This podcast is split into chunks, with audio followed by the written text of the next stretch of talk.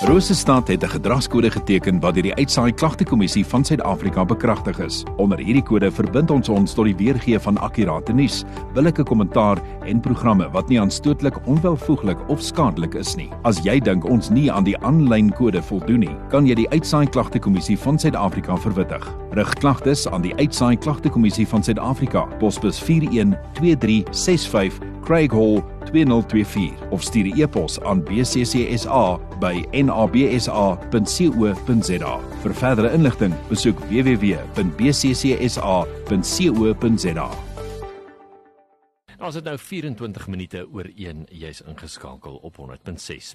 Ons gesondheidsprogram word nou aangebied met die komplimente van Pellisier Gesondheidssentrum in Pellisier. Vir enige navrae skakel 051 422 4228. Vandag gesels ons met uh, Wim Grobbelaar oor eie of selfmedikasie. Is dit veilig en hoe bestuur ek dit?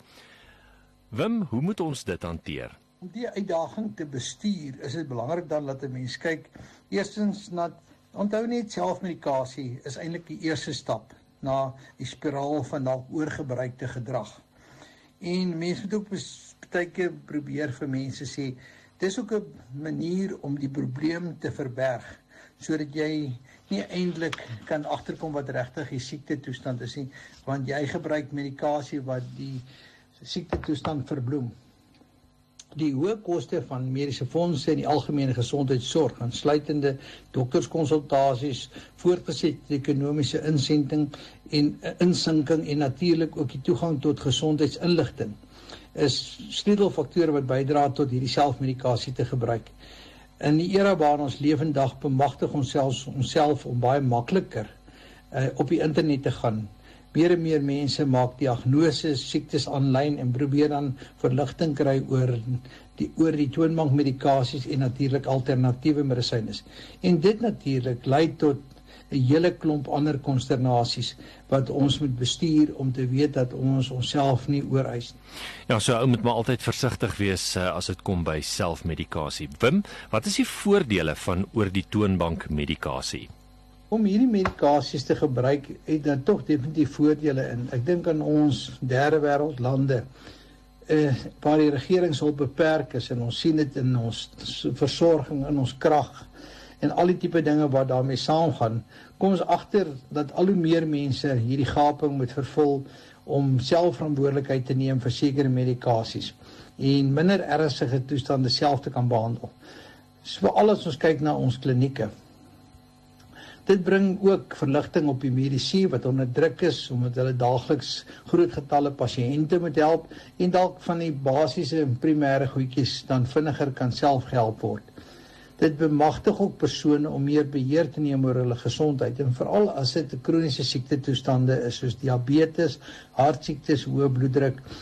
En die idee hiervan is as jy weet jy het daai siekte en jy kan jouself bestuur dat jy sekere medikasies gebruik om jou diabetes te ondersteun wat jou eintlik help inherënt maak dit net soveel makliker dat jou suikervlakke meer stabiliseer. Pasiënte het ook meer toegang tot medikasie wat vir hom verligting kan bied en onmiddellik kan help. En dan natuurlik ook is dit belangrik dat die pasiënt speel aktiewe rol of in hom of haar se gesondheid en so te eintlik te probeer help om sekondêre siektes te kan voorkom. En dit natuurlik soos ons net nou sê het verminder die las op die regeringsbronne danksy die laer kostes. Wim, wat is die risiko's van selfmedikasie?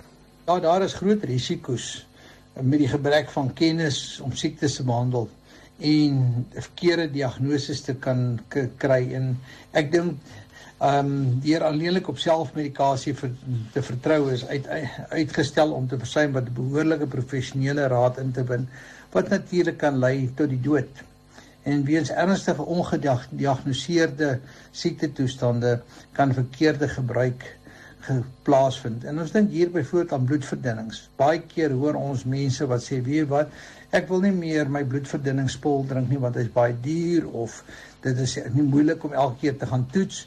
So ek het nou agtergekom dat kaneel en so kan 'n mens met gemmer en 'n klomp ander middels gebruik om ook jou bloeddunning te verbeter. So is dit reg of is dit verkeerd? Seker algemene medikasies wat ons daagliks gebeur gebruik om pynverligting te doen, kan weer ernstige bloeding op die maag of die ingewande hê en kan ook allergieë wat ons baie keer kry met hoes en verkoue wat ons sekere medikasie gebruik vir ons loomrig maak of selfs verwarring veroorsaak. Oormatige dosering van hierdie medikasie kan ook later dan nou lei tot uh, afhanklikheid en verslawing. So dis belangrik dat ons ook besef dat ons moet kyk na hierdie tipe van goeders sodat ons eintlik 'n beheer neem oor ons middels. Ons het ook 'n ander geval gehad wat net laastens baie interessant was waar 'n vrou se suster eh, vroeër in die jaar oorlede is en sy al haar medikasie vir haar toe self toegeëien en omdat sy emosioneel was en nie gemaklik was net sy gedink sy met alle antidepressante begin drink. En die sleg hiervan is dit het 'n chemiese wanbalans in haar brein ons ons lont en ver, veroorsaak wat toe nou vir haar ander baie meer probleme gee het. En ek dink dit is waar ons ook moet weet om 'n streep te trek.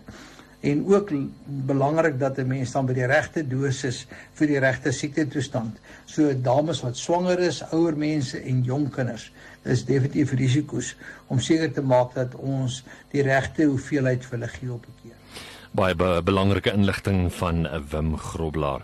Ons uh, gesondheidsprogram is aangebied met die komplimente van Pellisier Gesondheidssentrum in Pellisier. Vir enige navrae, skakel 051 422 4228.